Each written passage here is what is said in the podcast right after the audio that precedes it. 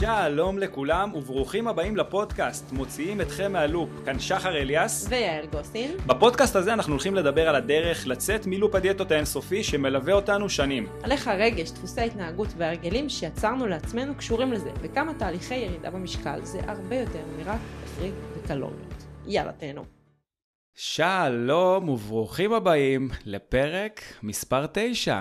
שלום יעל גוסין. שלום, שלום, מה קורה? בסדר גמור. יש לנו פרק שיעל ואני מאוד מאוד אוהבים את הנושא הזה נכון. אישית, אה, והפרק הזה נוגע ב... בחלק מאוד מאוד גדול מהסדנה שלנו, והוא אכילה רגשית. אה, אז אנחנו הולכים לדבר על אכילה רגשית, להסביר מה זה המושג הזה, למה זה קורה לנו, ואיך אפשר להתמודד עם זה. וטיפה אני גם חושבת אה, לנרמל. זה בעיקר לנרמל. כן, לשם זה התכנסנו פה היום. כן. אז בואו נתחיל מלדבר על קודם מה זה בכלל. כי אני חושבת שההגדרה עצמה היא לא ברורה. ולפני שנדבר על מה זה, אני אגיד שאני, בדיאטות שעשיתי בעבר, לא זוכרת שום אזכור על המילה הזאת, על הצמד מילים הזה. אני חושבת שרק לאחרונה, בשנים האחרונות, זה פתאום נהיה איזה משהו שאנשים מדברים עליו והרבה יותר מודעים אליו.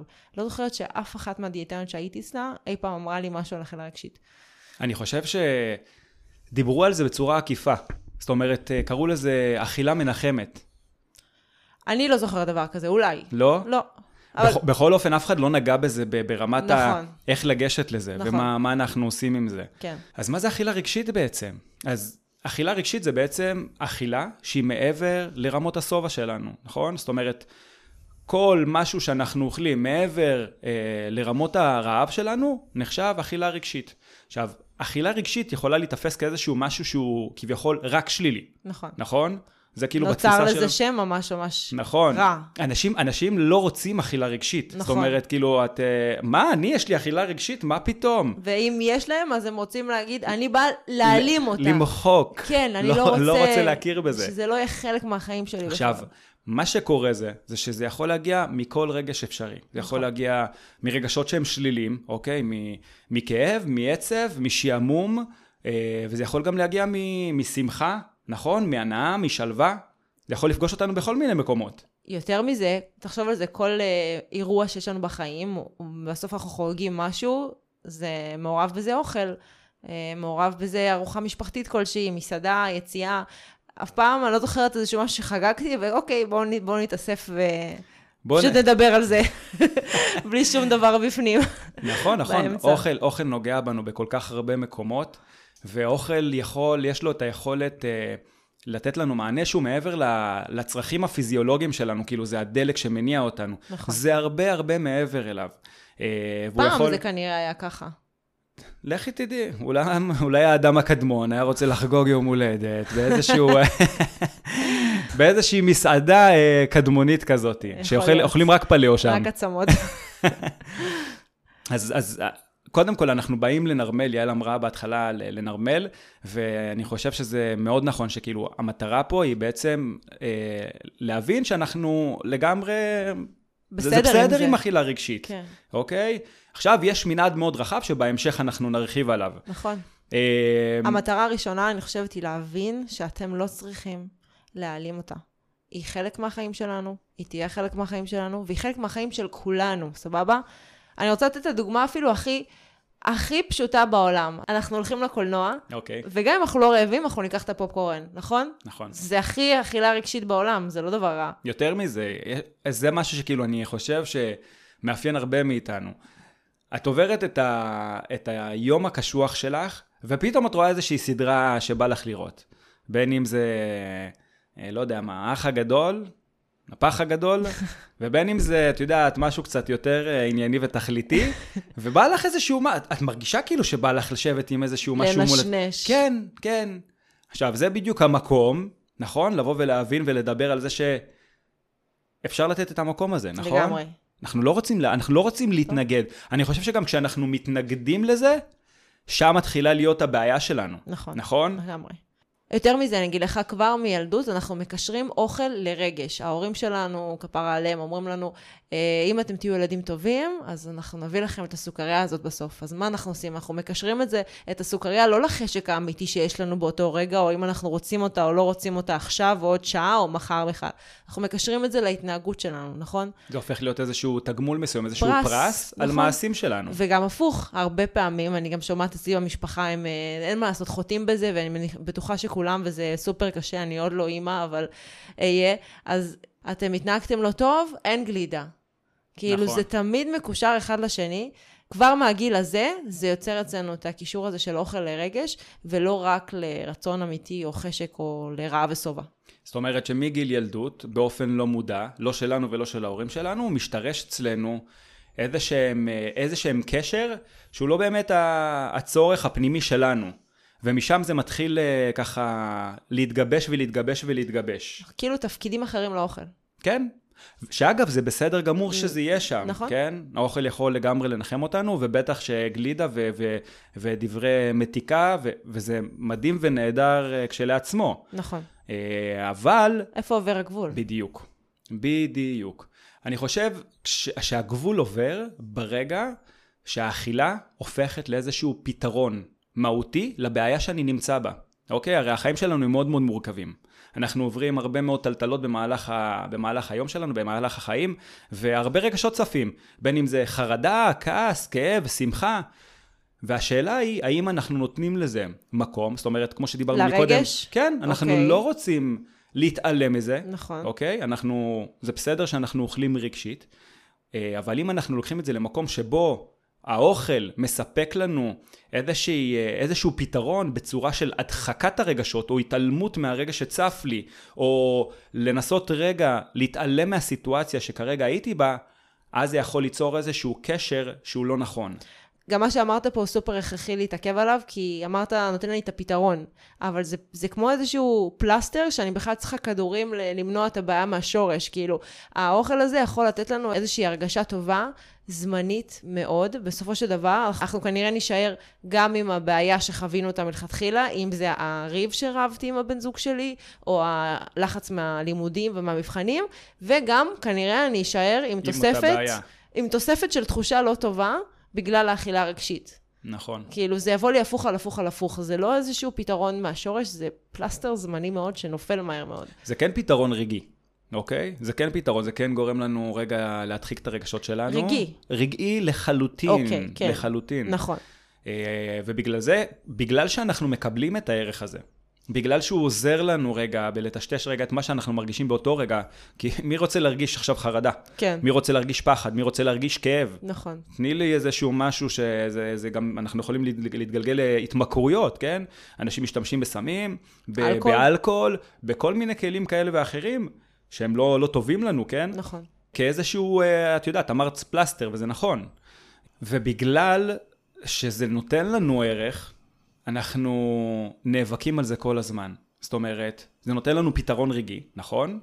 והפתרון הזה נותן לנו איזשהו טשטוש. תחושה זה, טובה. תחושה מעולה. כן, גם אם היא זמנית. כן. ב- בדיעבד אחרי זה אנחנו מבינים שזה לא עזר לנו נכון. לאורך זמן, כי אנחנו אחרי זה פוגשים את זה עוד פעם, נכון? כן. אבל בגלל שאין לנו את הכלים הנכונים כדי לדעת איך להתמודד עם זה, תחשבי, זה הכלי היחיד שיש לך בארסנל כלים. מה תעשי? תשלפי אותו כל הזמן. נכון. תמשיכי להשתמש בו. לגמרי. השאלה שלי, איך אפשר לזהות איפה באמת עובר הגבול בין הנעים לי, טוב לי, זה משרת את המטרה שלי, זה עושה לי תחושה נעימה וטובה וזה ממקום טוב, לבין הקביים האלה, הפלסטר שדיברנו, שזה כבר עושה לי לא טוב. והלא טוב הזה יכול להגיע גם לתחושה פיזית לא טובה. לא רק השמנה עתידית, או תחושה לא נעימה מבחינת זה שאנחנו לא נותנים פתרון אמיתי לבעיות שלנו, אלא ממש תחושה פיזית באותו רגע שהיא לא נעימה, אם זה אה, כאבי בטן, או נפיחות, או תחושת כבדות, ותחושה של אה, רצון אה, להישאר בבית, נכון? כאילו, זה כל מה שקורה אחרי שאנחנו אוכלים בצורה שהיא הרבה מעבר לשובע שלנו. אז איך אני יודעת לזהות איפה עובר הגבול בין הנעים לי, בין הלא נעים לי? יש איזו אינדיקציה שאתה כל הזמן תמיד אומר לבנות שלנו, נכון? בזומים. כן. אז אה, רוצה לספר עליה שנייה? לפני שאנחנו מדברים על דוגמאות וכאלה, אוקיי. קודם כל, דיברת על רמות של שובע מסוימות, אוקיי? עכשיו, כשאנחנו אוכלים אכילה רגשית, אנחנו גם רוצים לסיים עם איזשהו אה, תחושה נעימה פיזית בבטן שלנו. אז נגיד אינדיקציה אחת, זה אם אנחנו אוכלים רגשית, ובסוף אנחנו מוציאים את עצמנו בתחושה של אי נעימות, עם כאבי בטן, נכון. כי לרוב גם הבחירות שלנו יהיו בחירות שהן אה, מזונות, אה, בוא נגיד לא הכי מזינות שיש, אבל זה לא משנה. לא ברוקולי ומלפפון. לא, לא ברוקולי, וגם אנחנו נאכל ברוקולי בערימות, כנראה שזה לא ירגיש לנו נעים. אז, אז אחת האינדיקציות היא באמת, גם כשאנחנו אוכלים בצורה רגשית ואנחנו נותנים לזה את המקום, היא להרגיש בסוף נעים, אוקיי?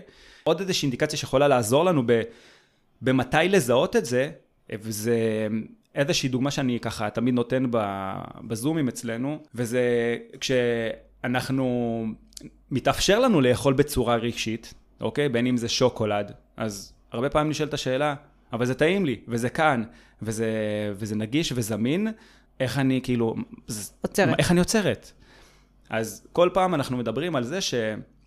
נגיד עכשיו פתחנו חבילה של uh, שוקולד, אוקיי? נתנו לזה מקום ואכלנו שורה אחת. ואחרי כמה דקות ראינו שהגענו לסוף החבילה. שאלה שאנחנו יכולים לשאול את עצמנו, האם הרגשנו את אותו אה, טעם, את אותו תחושה, את אותו מרקם, סיפוק. את אותו סיפוק בשורה הראשונה אל מול השורה החמישית? האם זה נתן לנו בדיוק את אותו ערך? ואני חושב, ותוך כדי גם בדיקה שלכם, אתם תראו שהאכילה שה... הרגשית שהייתה לכם בשורה הראשונה או בשורה השנייה, כבר יכולה להיות שהיא די סופקה. ומה שקורה פה זה בעצם זה שאנחנו עכשיו נשארים אל מול המשהו הטעים הזה. ויכול להיות שאנחנו נמצאים באיזשהו רגש מסוים שדוחף אותנו לאכול עוד מזה, אבל לגמרי, אם אנחנו נשאל את עצמנו, כמו שאמרנו לפני, האם יש את אותו טעם, האם יש את אותה תחושה, כנראה שהיא כבר סופקה. כנראה שהשורה הראשונה ממש לא מרגישה כמו השורה החמישית. זה משהו שאני שמה לב שהרבה מהבנות שלנו, וגם אני, כן, לא הייתי מודעת לזה. זאת אומרת, כל פעם שהייתה לי אכילה רגשית, הייתי בסופו של דבר כן מתבאסת על זה בדיעבד, אבל בטוחה שנהניתי באותו רגע בשווה בשווה בכל האכילה. אתה מתכו... מבין למה אני מתכוונת? זאת אומרת, היה לי איזה משהו, הלכתי לאוכל, אני מבחינתי מההתחלה עד הסוף נהניתי מכל ביס שהכנסתי לפה. אחר כך הגיע באסה והעצבים והתסכול והייאוש שזה קרה בכלל, אבל עד שלא הייתה לי את ההבנה הזאת שוואו, וואו, רגע, שנייה, באיזשהו שלב אני כבר בכלל לא נהנית מזה, אז למה אני מכסה את זה לפה? זה לא תורם לי לא לכיף שלי, לא לתחושה הטובה שלי, וגם לא לבעיות שאני חווה עכשיו. וההבנה הזאת והמודעות של להבין מתי זה קורה, באיזה שלב של האכילה, זה כבר לא טעים, זה כבר לא מספק, זה כבר לא עושה לי טוב כמו שזה עשה לי בפעם הראשונה, היא סופר חשובה, כדי להצליח uh, בהמשך, עם עוד כלים נוספים, להצליח לעצור את זה. אני חושבת שיש עוד משהו גם שמגביר לנו את האכילה הרגשית. זאת אומרת שברגע שאנחנו קורא לנו משהו שהוא לא בהכרח קשור לאוכל, אוקיי? עוד פעם, את הדוגמה, רבתי עם החבר, אכלתי רגשי. אמ, אני מבינה שאכלתי רגשי, ואז הרגשות שעולים לי הם בנוסף לזה שרבתי עם החבר, זה שוואו, אכלתי רגשי, איזה באסה. איך שוב אני פונה לאוכל, זה משמין, זה הרס את הדיאטה. ואז אני כבר אוכלת רגשי, על זה שאכלתי רגשי, אתה מבין? אז יש כביכול חטאת. כן, זה כבר כאילו נהיה כמו איזשהו גלגל שמאוד מאוד קשה לעצור אותו, כי אני כבר מלאת ברגשות של תסכול וייאוש מזה שבכלל פניתי לאוכל, שאני לא מצליחה לעצור את זה, ואני ממשיכה לפנות לאוכל כל הזמן. וזה איזשהו לופ שהחשיבה שדיברנו עליה אז, זוכר עם הפרשנות החיובית לסיטואציה בפרק, מי שלא שמע, לכו, זה פרק מעולה, אתם חייבים לשמוע. זה משהו שהוא סופר חשוב, לתת פרשנות חיובית לסיטואציה, לאכילה הרגשית הזאת, ולתת לזה את המקום שזה, כמו שאמרת, ולהבין איזה ערך זה נותן לנו באותו רגע, ו... ומה הלאה, איך אני יכולה לעצור את זה הלאה. אז השאלה שעולה מתוך זה, איך אפשר להתמודד עם זה? נשמע בלתי אפשרי להרבה מאוד אנשים. כאילו, אני, מרג... אני ממש מרגישה את התחושות של האנשים שמדברים איתנו, שזה מנהל אותם. מנהל אותם בכל רגע נתון ביום שלהם, וזה משהו שהם מרגישים תסכול מאוד מאוד מאוד גדול מולו. אה, אז איך באמת, איך מתמודדים? זה מתחיל בזה שאנחנו, כמו שדיברנו מקודם, אנחנו נותנים איזשהו פלסטר בעצם לבעיות האמיתיות שלנו. אז אני חושבת שהדבר הראשון הוא שנייה לשים את זה, לשים את זה בפרונט, את הבעיה האמיתית. זאת אומרת, רגע, אוקיי, אני אוכלת רגשית, אבל מה הביא אותי לזה? מה הרגשתי? האם אה, רבתי עם הבן זוג שלי? האם היה לי יום עמוס בעבודה? אני מרגישה עייפה? יש לי לחץ בחיים? כאילו, מה הביא אותי למקום שאני אוכלת רגשי? והרבה פעמים אנשים בכלל לא שואלים את השאלה הזאת. הם פשוט הולכים לאכילה מבלי לחשוב שנייה על... אוקיי, מה הביא אותנו? מה, מה מקור הבעיה? וברגע שאנחנו מבינים מה מקור הבעיה, זה לדעתי השלב הראשון. כי משם אפשר להבין מה יכול לפתור לי את הבעיה. אבל כל עוד אני בכלל לא מעלה את זה למחשבות שלי, ל mind שלי, לקדמה, אני לא יודעת מה יכול לפתור את זה, כי אין לי בעיה שאני צריכה לפתור. נכון. אני רוצה להוסיף עוד איזשהו משהו שאמרת את זה כזה כדרך אגב. וזה הרצון שלנו לא להישאר בסיטואציה הזאת. זאת אומרת, זו תחושה שהיא לא נעימה. של לברוח. של לברוח, לא כן. לתת מקום לרגשות האלה. וכמו mm-hmm. שאמרתי לפני זה, כולנו חווים את זה, כן? כולנו חווים את הרגשות הקשים האלה. אה, ובאמת לתת לזה מקום רגע, לשקוע. גם אם אנחנו לא נמצאים במצב האופטימלי שלנו, לתת רגע לדברים האלה, לשקוע, ללכת, לנסות להתנתק רגע, בין אם אנחנו נמצאים בבית עם, אה, עם המשפחה, אז ללכת לחדר רגע, ולנסות לחשוב על הדברים קצת יותר לעומק. לתת לרגשות, להכיר בהם. וזה כשלעצמו, במקום להתנגד לרגשות, יכול לגמרי למתן את האכילה הרגשית שלנו. נכון. כי אתה נותן לזה פתאום מקום, אתה לא מתחבא מול זה, ולמתן את האכילה הרגשית ולפתור את הבעיה האמיתית שלנו. נכון. אז גם, גם כשאנחנו נותנים מקום לרגשות ומכירים בהם, בסוף אנחנו צריכים לעשות איזה שהן פעולות מסוימות כדי בעצם לווסת יותר את האכילה הרגשית שלנו. נכון. כדי גם לדעת, כשאנחנו מזהים שהיא מגיעה פעם הבאה, מה לעשות, נכון? לגמרי. עכשיו, כל בעיה והפתרון שלה, כן, אבל סתם בואי ניתן באמת דוגמה. אותה דוגמה של רבנו עם החבר, ואנחנו מרגישים נורא, והתחושות לא טובות, ואני רוצה לפנות לאוכל, אבל ברגע שאני מבינה, אוקיי, אני פונה לאוכל כי רבתי עם החבר, פתאום נפתחות לי אופציות של מה אני יכולה לעשות. אולי אני יכולה ללכת לדבר איתו, ולסדר את הדברים, ולנהל איזושהי שיחה מרגיעה. פחות נראה לי. אולי אני יכולה לדבר עם חברה שלי, נכון. שתרגיע אותי, שתגרום לי לראות את הדברים אולי בפרספקטיבה אחרת. אולי אני יכולה לפרוק את זה על יומן, או ללכת לרוץ ולהתאמן ולשחרר את הרגשות שלי. זה בדיוק לתת לרגשות שלך את המקום. כן, כי לא להתעלם מהם. לבוא ולהתייחס, בדיוק, לבוא ולהתייחס ולא להתעלם. נכון. כי הרי בסופו של דבר, אם אנחנו נישאר עם הרגשות האלה, זה כנראה יתבטא בקביים האלה שאנחנו מחפשים בצורה של אוכל, נכון? נכון? אבל אם אנחנו מייצרים איזשהו פורקן של אותם רגשות, אוקיי? באים ומדברים עליהם, אז כנראה שאנחנו נהיה במקום אחר לגמרי. נכון. לגמרי, אולי נוכל לאכול את השורה שתיים של השוקולד, ולגמרי להסתפק בזה. לגמרי. אני רוצה לתת סתם עוד דוגמה אפילו למישהי שהייתה אצלנו, והיא הייתה לפני חתונה, ופתאום לפני החתונה, אה, היא ממש נלחצה מכל העומס והדברים לסגור, ומהאירוע עצמו, מהמון פעולות שהיא צריכה לעשות בזמן מאוד מאוד קצר, והיא הייתה מאוד לחוצה ובסטרס לגבי זה. אז התחילה לאכילה רגשית, הרבה יותר חמורה ממה שהיה בעבר, ופשוט הפתרון שמצאנו זה לעשות לו"ז מסודר, לדבר עם כל מי שצריך, לארגן את השעות ואת הימים, וברגע שזה נפרס לה לזמן שנשאר לה, והיא קלטה שבואנה, אני, אוקיי, זה קצת צפוף, אבל אני יכולה להכניס את זה, זה לא איזושהי משימה בלתי אפשרית, אז גם האכילה הרגשית של אותו הדבר נפתרה ונרגעה. נכון, לכל אחד בעצם יש את ה... צריך קצת לחפור יותר לעומק ולמצוא לכל אחד את הפתרון שלו. בדיוק. כן, בסוף לא באנו לתת פתרונות לבעיות. אה, אבל באנו כן לנרמל את האכילה הרגשית. בדיוק, כן. אה, ונראה לי, ואני מקווה שעשינו את זה הפרק הזה. לגמרי, אז בואו שניה נסכם את זה ונבין מתי זה טוב, מתי זה רע. אני חושבת שיש איזשהו סרגל כזה, מנעד של איפה אני עומדת, וזה משהו שאנחנו צריכים להבין עם עצמנו. האם האכילה הרגשית שלי היא מקום טוב, שנעים לי, שעושה לי טוב בגוף, שמביא לי, אה, שגורם לי לתחושות טובות, אה, שלא נובע ממקום של לנסות לפתור או להתחמק ולהדחיק את הרגשות שלי, או שאני בצד השני של הסקאלה, ששם זה עושה לי תחושות פיזיות לא טובות, זה פוגע בי לאורך זמן, זה גורם לי לא להתעמק בדברים שבאמת קורים בחיים שלי. וזה מנעד מאוד מאוד רחב. נכון. כאילו אין פה, יש לי אכילה רגשית טובה או רעה. נכון. זה מנעד מאוד רחב שצריך להבין איפה אנחנו עומדים ולפעול בשביל אה, לשפר אותו, אבל לא בשביל... עכשיו, ש... אחרי שזיהינו, אוקיי? אז אנחנו פשוט רוצים לנסות ל- ל- לזהות מתי הדפוס הזה קורה, בעקבות מה, אוקיי? וברגע שזה קורה, תבחרו לכם מכל מה שדיברנו איתכם עכשיו, איזשהו משהו שאתם מתחברים אליו. יש כאלה שמעדיפים יותר לדבר עם חבר או חברה קרובים, ויש כאלה שמעדיפים אה, להשתפך לתוך אה, יומן. אה, אז תבחרו מה שמתאים לכם, אבל הרגשות כן חייבים לקבל ביטוי מסוים.